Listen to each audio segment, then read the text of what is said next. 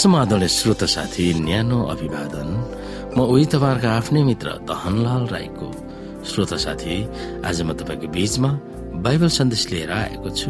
आजको बाइबल सन्देशको शीर्षक रहेको छ पापले गर्दा तल तल गिर्ने जीवन।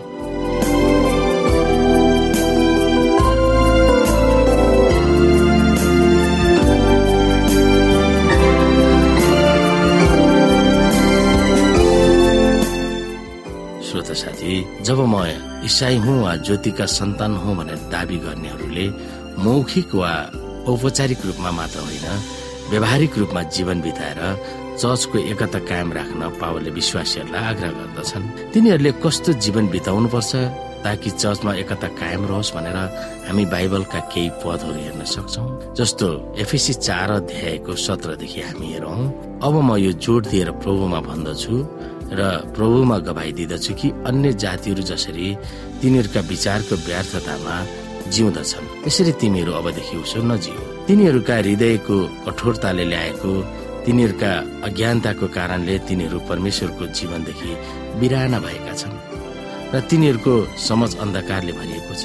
तिनीहरू कठोर भएका छन् र हर किसिमका अशुद्ध काम गर्ने लालचमा परेर तिनीहरू छाडा भएका छन्। तर ख्रिस्टलाई त तिमीहरूले यसरी जानेका छैनौ? यसुमा भएको सत्यता अनुसार उहाँको विषयमा तिमीहरूले सुनेका र सिकाइएका छौ भनी ठान्दछु छली लालसाहरूद्वारा भ्रष्ट भएका तिमीहरूको अगाडिको जीवनको ढाँचासँग सम्बन्धित तिमीहरूले पुरानो स्वभाव त्याग र आफ्नो भित्री प्रतापमा नयाँ हो र परमेश्वरको स्वरूपमा साँचो धार्मिकता र पवित्रतामा सृष्टि भएको नयाँ स्वभावलाई धारणा गर। यसकारण झुटो त्यागेर हरेकले आफ्नो छिमेकीसँग सत्य बोल किनकि हामी एउटै शरीरमा एकअर्काका रङ्गहरू हौ। क्रोध गर तर पाप नगर।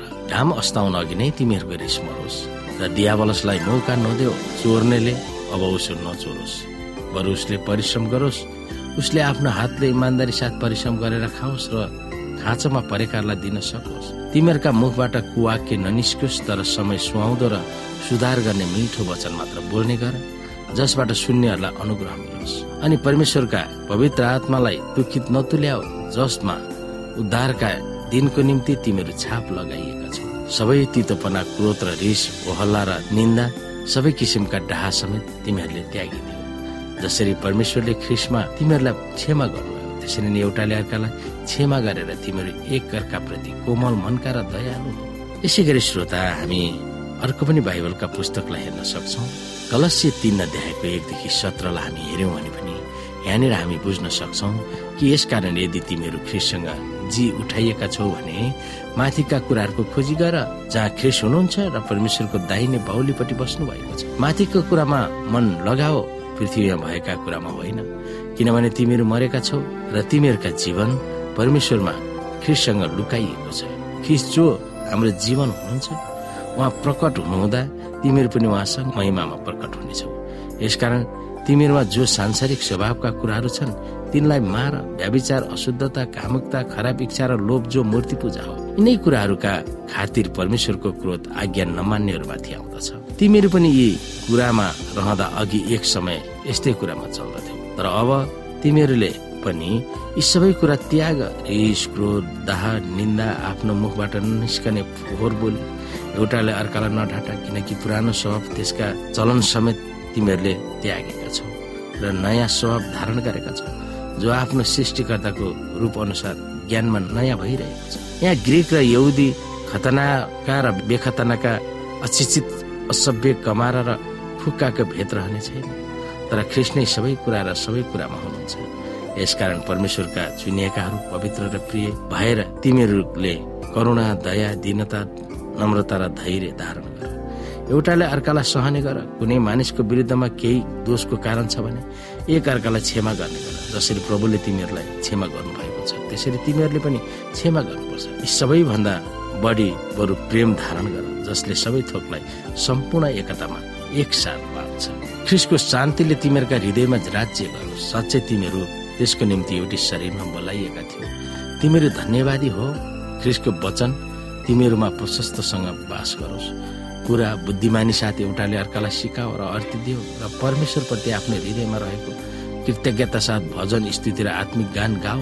कुरा वा काममा जे जे गर्छौ सबै कुरा उहाँद्वारा नै परमेश्वर पितालाई धन्यवाद चढाउँदै प्रवेशको नाउँमा गर। योभन्दा अघिको अंश एफिसी चारको स्वरमा पावलले चर्चमा हुनुपर्ने एकताको विषयमा जोड गर्दछ। जस्तो एफिसी चारको एक र एफिसी चारको सत्रलाई तुलना गरेर हेरियो भने दुवै अर्थीहरूमा यसु भावना भावित भएर कसरी हेर्ने र जिउने भन्ने पावलको चाहनालाई हामी देख्दछौँ। चर्चमा एकता रहेर आफ्नो जीवनशैलीले यसुको इज्जत राख्नुपर्छ भनेर पावलले जिकिर गर्दछ। यसो भक्तको जीवनमा के नकारात्मक प्रविधि मिजास र चरित्र हुनुपर्छ भन्ने उनले लेख्दछन्। एफिसीको पुस्तक चार अध्यायको सत्रदेखि चौबिसमा पावलले अन्य जाति वा नास्तिकहरूको जीवनशैलीसँग विश्वासीको जीवनशैली कसरी मिल्दैन भनेर पनि उल्लेख गर्दछन्। ती अन्य जाति नास्तिक वा यसुलाई हृदयदेखि विश्वास नगर्नेहरूले चर्चको एकतालाई भाँडिरहेका हुन्छन् भन्ने हामी बुझ्न सक्छौँ। तर सत्य इसाई वा यसु भक्तहरूको जीवन शैलीले एक आपसमा पोस्ट्याउने हुन्छ भनेर हामी हेर्न सक्छौँ। अन्य जाति वा परमेश्वरलाई विश्वास नगरी जीवन बिताउनेहरूको जीवनशैलीले निज तल्लो स्तर र खुस्किएको हुन्छ तर तिनीहरूलाई परमेश्वरले ख्रिसबाट उद्धार गर्न सक्नुहुन्छ र परमेश्वरका जनहरूमा पूर्ण रूपमा सहभागी हुने अवसर उपलब्ध गराइएको छ भनेर हामी हेर्न सक्छौँ। यसै गरी एफिसीको चार अध्यायको सत्रदेखि उन्नाइसमा केवल भौतिक शरीर र अभिलाषा मात्र तल्लित हुने अन्य जाति अनिश्वरवादीहरूको मिजाज प्रवृत्ति र चरित्र कस्तो हुन्छ भनेर पावलले केही नकारात्मक बयान पनि दिएका छन्। अन्य जाति अयहुदी वा अनिश्वरवादीहरूले विशेष पापहरू वा व्यवहार मात्र देखाइरहेको छैनन् भनेर पावलले चासो राख्दछ। तर तिनीहरू पापको पकटमा रहेर जीवन ढाँचा नै निज भइरहेको तल्लो स्तरमा गिरिरहेको भनेर पावलले आफ्नो चिन्ता व्यक्त गर्दछन्। एफिसी चार अध्यायको सत्रको मुटुमा अन्य जातिहरूको आत्मिक रूपमा पत्थरको जीवन बिताइरहेका थिए भनेर चित्रण गरिएको छ। यसै गरी सत्रमा अब यो जोड दिएर प्रभुमा भन्दछु।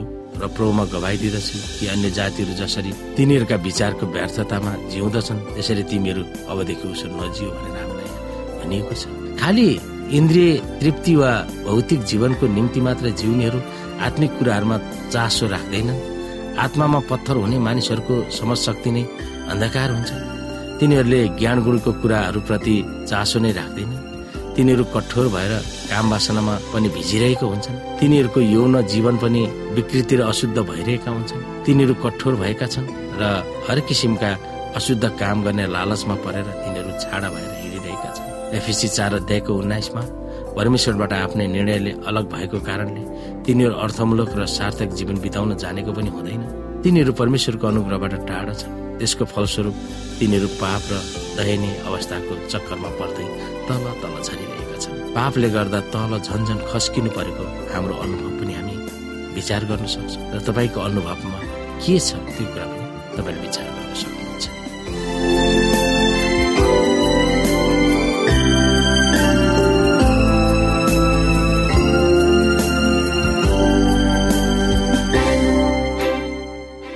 श्रोता साथी आजको लागि बाइबल सन्देश यति नै।